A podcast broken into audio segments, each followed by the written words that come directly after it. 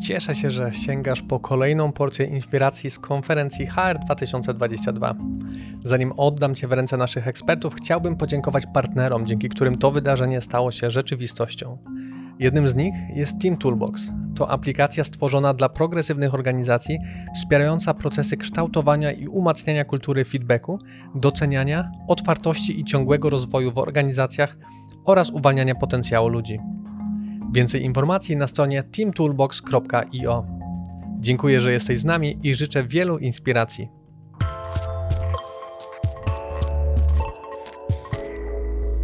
To, co dzisiaj chciałabym przedstawić, e, to trochę to, jak budowaliśmy programy wellbeingowe w HP i w jaki sposób poruszamy tematy odporności psychicznej i samopoczucia, e, i samopoczucia pracowników.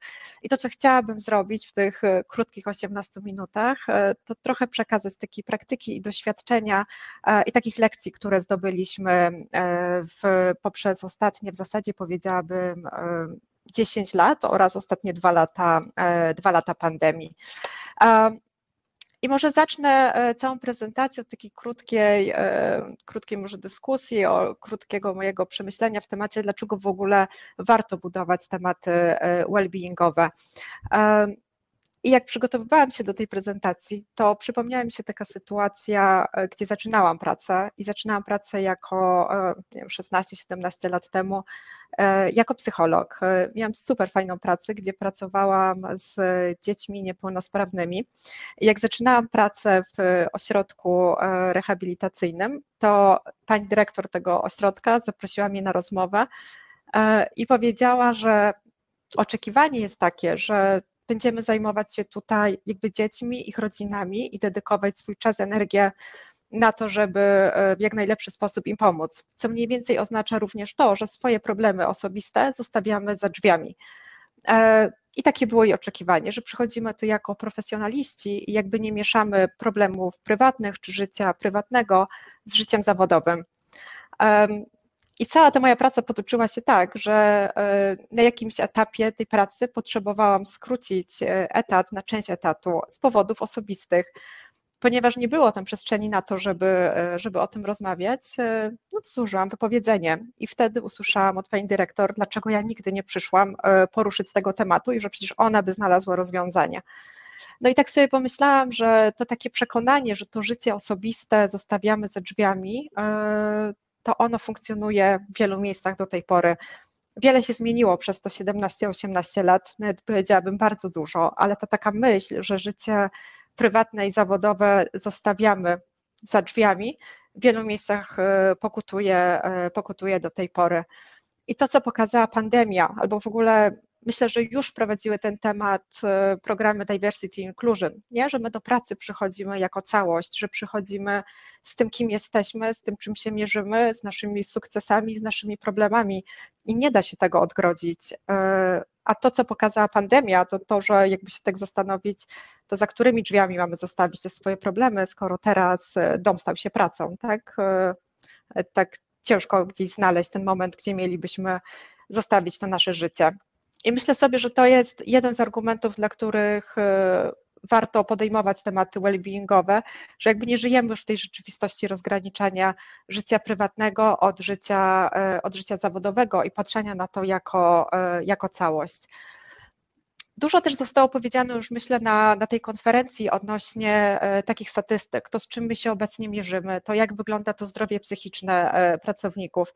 Natomiast ja sobie pomyślałam jeszcze o jednej rzeczy, że nie chodzi tylko o to, jakby o stres, zaburzenia psychiczne, e, problemy emocjonalne, z którymi się, e, z którymi się mierzymy, ale chodzi też o to, że od pandemii zmieniło się trochę takie oczekiwanie pracowników e, w stosunku co do pracodawcy.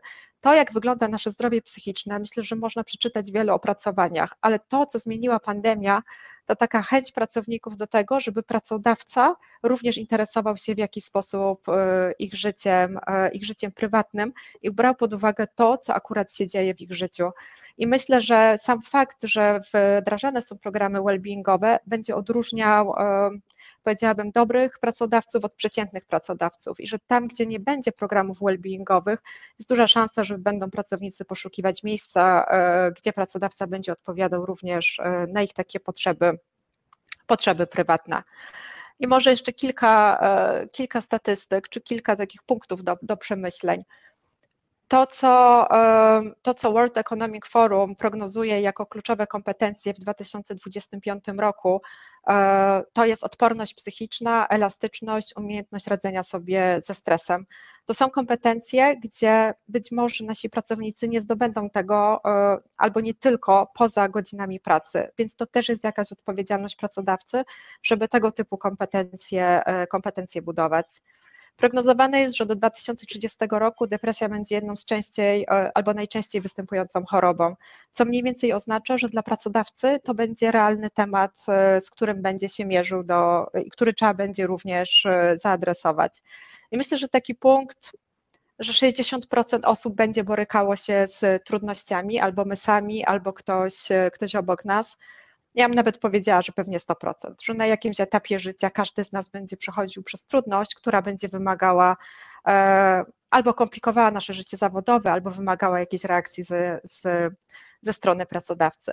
Więc jakby patrząc na to holistycznie, myślę, że to są dobre argumenty za tym, e, żeby decydować się wdrożyć e, programy well-beingowe.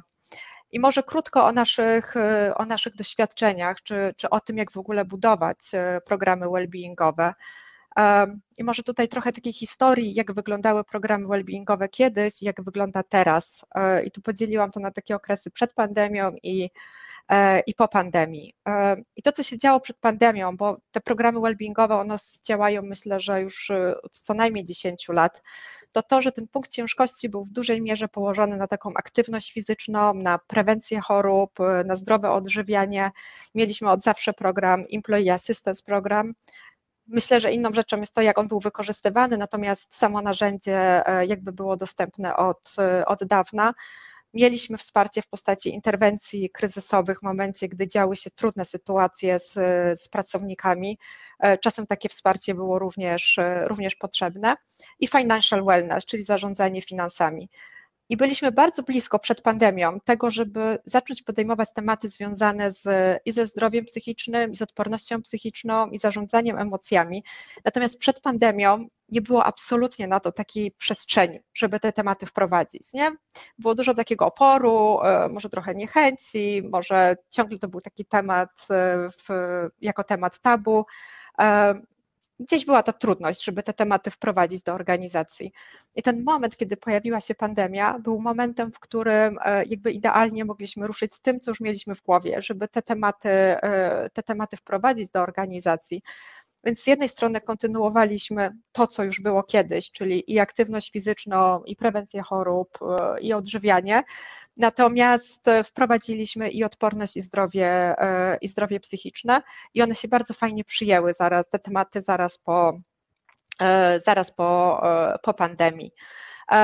Teraz ten punkt ciężkości jest zupełnie przełożony na tematy związane i z rozwojem, samorozwojem, samoświadomością, odpornością psychiczną i zdrowiem psychicznym.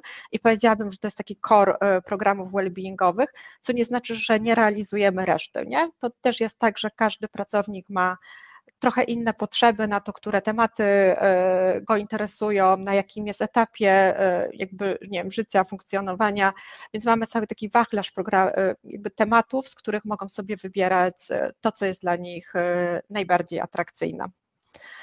W temacie może kilka słów o tym, jak budowaliśmy te programy związane z taką, nie wiem, odpornością psychiczną, samopoczuciem pracowników, czy chciałam krótko pokazać to, co zostało do tej pory e, zrealizowane. I podzieliłam to na takie cztery, e, cztery filary. Duża część e, tego, co robimy obecnie, to powiedziałabym jest psychoedukacja. Jakby staramy się pracownikom przekazać taką wiedzę dotyczącą tego, nie wiem, jak zaczęła się pandemia, to wiedzę dotyczącą tego, czym jest kryzys, jak przez ten kryzys się przechodzi, jak się z niego, kiedy się z niego wychodzi, czego możemy oczekiwać, o, jeżeli chodzi o reakcje nasze, o reakcje innych osób. I to samo dotyczy się wszelkich innych tematów związanych z zarządzaniem, czy emocjami, czy stresem, czy energią, czy zdrowia psychicznego bardzo dużo takiej energii jest po prostu w psychoedukację, bo to nie jest wiedza, która jest wiedzą powszechną. Nie każdy studiował psychologię, nie każdy ma e, jakby wiedzę w tym temacie. I myślę, że takie w ogóle wyposażenie e, pracowników w taką podstawową wiedzę jest takim już dużym krokiem, e, krokiem naprzód. Więc tak jak na tym slajdzie mm, ujęłam. E, duża część była właśnie skierowana na zarządzanie stresem, takie pozytywne myślenie. Pojawił się temat stricte zdrowia psychicznego e, i tutaj takie tematy, jak radzić sobie z lękiem, czym jest depresja, jak radzić sobie z depresją, temat uzależnień, wypalenia zawodowego, ale myślę przede wszystkim część tych warsztatów była poświęcona temu, jak w ogóle przeprowadzić e, czy jak prowadzić dobrą rozmowę. Jeżeli ktoś obok nas boryka się z problemem, to jak napra- tak, tak naprawdę możemy e, wesprzeć tą osobę. To nie jest tak, że my się rodzimy z tą wiedzą, to nawet nie jest tak, że często mamy takie umiejętności. To jest często, że mamy dobre intencje, natomiast nie do końca wiemy, jak takie wsparcie e, powinno wyglądać i często z tej niewiedzy czy strachu, że zrobimy to źle, e, często nie robimy nic. Nie? A tutaj e, jakby ta informacja o tym, jak to wsparcie koleżeńskie może, może wyglądać, jest taką bardzo przydatną, przydatną wiedzą. Duża część jakby tych warsztatów, i to jest to w stronę, w którą teraz idziemy. Nie? Jak już tak trochę wychodzimy z, z tego kryzysu pandemii, to trochę idziemy w stronę takiej samoświadomości i e, odnajdywania potencjału e, pracowników, e, żeby skupić się trochę na naszych mocnych stronach, na to, kim jesteśmy, jakie cele chcemy osiągnąć w życiu, bo tak naprawdę ta część skoncentrowana na, na, na tym potencjale i szukaniu tego potencjału, jakby bardzo pomaga potem też w ustaleniu jakby kariery pracownika i tego, co on chce dalej zrobić, czy jak chce się realizować w firmie. Myślę, że jest to taki pierwszy krok, żeby trochę zrobić też e, porządek z tym, to kim ja jestem i czego tak naprawdę chcę. Jeszcze jeden filar, rodzina, który się bardzo fajnie przyjął u nas. E, nie sądziliśmy, że ten temat znajdzie aż tak podatny grunt, ale okazało się, że zaadresowanie tematów, e, to jak pomagać dzieciom w pandemii, jak budować w ogóle relacje z, z dziećmi, jak rozwiązywać konflikty, jak rozmawiać z nastolatkiem, jest są takimi tematami, na które jest ogromne zapotrzebowanie. Więc tak sobie myślę, że pewnie to też jest taki element psychoedukacji, nie? Jakby przekazujemy tą wiedzę, ktoś ma możliwość przemyślenia e, te, tematów, e, nie wiem, związanych z rodziną, z dziećmi. Im szybciej to zrobi, tym większy spokój w głowie, tym większa szansa, że nie będzie myślał o tym e, nadmiernie i w pracy, i po pracy. I tu chciałam jeszcze dodać jedną rzecz odnośnie, dlaczego w ogóle wspieramy temat zdrowia psychicznego. I tylko może tak pokrótce powiem, że Trochę to widzę w takich e, tematach związanych ze społeczną odpowiedzialnością e, pracodawcy, że jeżeli my ten temat wprowadzimy w, e, w takiej przestrzeni, w przestrzeni firmy, to dajemy szansę na to, żeby ten temat trochę znormalizować i trochę spowodować, że przestanie to być temat, przestanie to być temat tabu. I tutaj to nazywam jako destygmatyzację zdrowia, zdrowia psychicznego, e, które myślę, że szczególnie w naszej kulturze e, jest takim ciągle ważnym tematem, ponieważ to zdrowie psychiczne często ciągle z takich tematach jest traktowany jako taki temat, e, temat tabu. I tak to widzę, że jest to jakaś odpowiedzialność społeczna pracodawcy, żeby próbować tematy związane ze zdrowiem psychicznym po prostu normalizować, bo to pomoże pracownikom, żeby szukać pomocy, sięgać po tę pomoc i reagować e, wtedy, kiedy jeszcze ta pomoc jest taka w miarę e, gdzieś tam zarządzalna, a nie że sytuacja rozwinie się w stronę sytuacji jakby trudnej albo ciężko, ciężko rozwiązywalnej. Kilka słów e, na temat w ogóle roli lidera i roli HR-u i myślę sobie, że na to to można by osobną sesję e, przeznaczyć, ponieważ tematy zdrowia psychicznego e, weszły na naszą agendę trochę z takim oczekiwaniem, że i HR, i lider, czy menadżerowie będą teraz zajmować się, no właśnie, tematami, z którymi wcześniej nie musieli się mierzyć i trochę nie rozmawia się o tym, jak wyposażyć i HR, i liderów w taką wiedzę, to w jaki sposób teraz mamy wspierać tych pracowników. To jest trochę jak w samolocie, nie? Z tą maską tlenu, że najpierw powinniśmy ją dać sobie, a potem, e, potem dziecku. To tutaj trochę też tak jest, że jeżeli chcemy wspierać e, i naszych pracowników, to powinniśmy trochę wiedzieć, e, wiedzieć jak, po to, żeby też zadbać w tym wszystkim o siebie. I to, co często mówimy, to to, że ani lider, ani HR nie jest ani terapeutą, ani doradcą finansowym, ani prawnikiem, ani przyjacielem. I że oczekiwanie w takich w, w pracy jest to, że e, czy HR, czy lider będą po prostu empatycznym liderem. E, co oznacza być empatycznym, to jest pewnie osobna dyskusja i gdzie są granice tej empatii, ale wydaje się, że jakby nasze rozumienie jest takie, że być empatycznym liderem wystarczy, żeby wysłuchać e, drugiej osoby zarządzanie działem i ludźmi, i ludźmi, w sensie taki, jeżeli chodzi o menadżerów, taka sprawność w zarządzaniu, nie? To, co było też na tej poprzedniej prelekcji, one-on-one -one z pracownikami, sama wiedza, co tam się w ogóle e, dzieje u, pracowni, u, u pracownika, jest już taką podstawą, na której można coś dalej budować. Oczekujemy również, że i menadżerowie, i HR mają taką wiedzę odnośnie benefitów i narzędzi dostępnych, czyli e, narzędzi dostępnych firmie. Czyli jeżeli pojawia się jakaś sytuacja, nie wiem, trudna, e, to my wiemy, gdzie tego pracownika e, przekierować. I to, co jest ostatnim punktem, może powinno być pierwszym, to to, jak prowadzić wspierające rozmowy, czyli jak powinniśmy wspierać i pracownika w trudnej sytuacji, jak taką rozmowę przeprowadzić, żeby dać komfort i drugiej stronie, i, i sobie. I nawet tak wczoraj miałam rozmowę z, z jedną z koleżanek, również z HER, która mówi, że ma pracownika, który jest ciężko chory. E, przygotowali dla niego, nie wiem, paczkę na święta i do tej paczki trzeba dołączyć kartkę. I co napisać na kartce dla pracownika, który znajduje się w trudnej sytuacji? Nie napiszemy wesołych świąt, a chodzi o to, że wiedzy, co napisać, może niekoniecznie mamy. I że czasem to wsparcie rozbija się o takie drobne rzeczy, że po prostu nie wiemy, jak zareagować, więc czasem z tego rezygnujemy. E, I uważam, że to jest taki bardzo fajny punkt programów takich well-beingowych, o tym, jak prowadzić takie e, wspierające rozmowy po to, żeby robić to dobrze. Może krótko wspomnę o tym. E, to, to jest taki temat, pewnie wrzucę go do, do, do przemyślenia, e, że bardzo fajnie sprawdza się w budowaniu programów well-beingowych oddanie e, tego tematu pracownikom i ambasadorom well-being. E, u nas sprawdza się to doskonale. Myślę, że jest to najlepsza w ogóle platforma do tego, żeby zrozumieć e, to, jaka jest, jakie jest zapotrzebowanie wśród pracowników, jakie tematy oni chcą poruszać, co ich interesuje. Myślę, że taka oddolność tej inicjatywy jest jednym z, kluczem, e, jednym z kluczy sukcesu.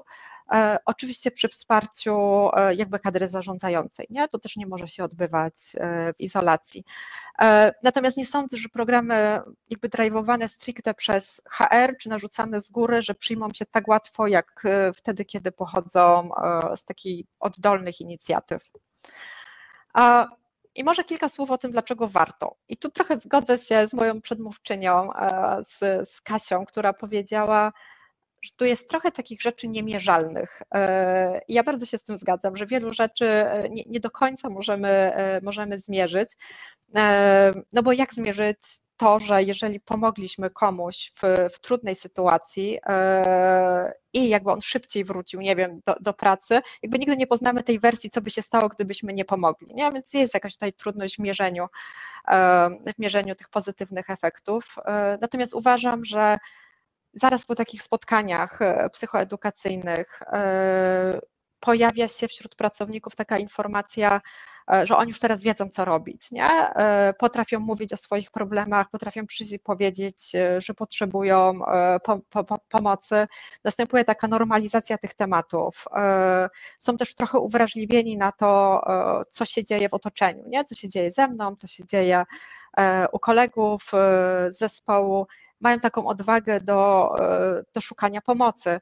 Często zdarza się, że wendorzy, którzy dla nas e, pracują, jakby mówią też o tym, że część pracowników zwraca się do nich e, z pytaniem, to czy mogą polecić wiem, psychologa, terapeutę, coacha, czegokolwiek nie potrzebują, ale gdzieś tej pomocy, pomocy szukają. Natomiast dla tych, którzy lubią cyfry, no to mówi się, że jeden dolar zainwestowany w psychoedukację daje od 4 do 9 dolarów zysku. Więc jakby też wymierny zysk dla, dla firmy. Mam nadzieję, że ta prelekcja dała Ci przynajmniej jedno cenne przemyślenie. Kolejne znajdziesz na hr2022.pl.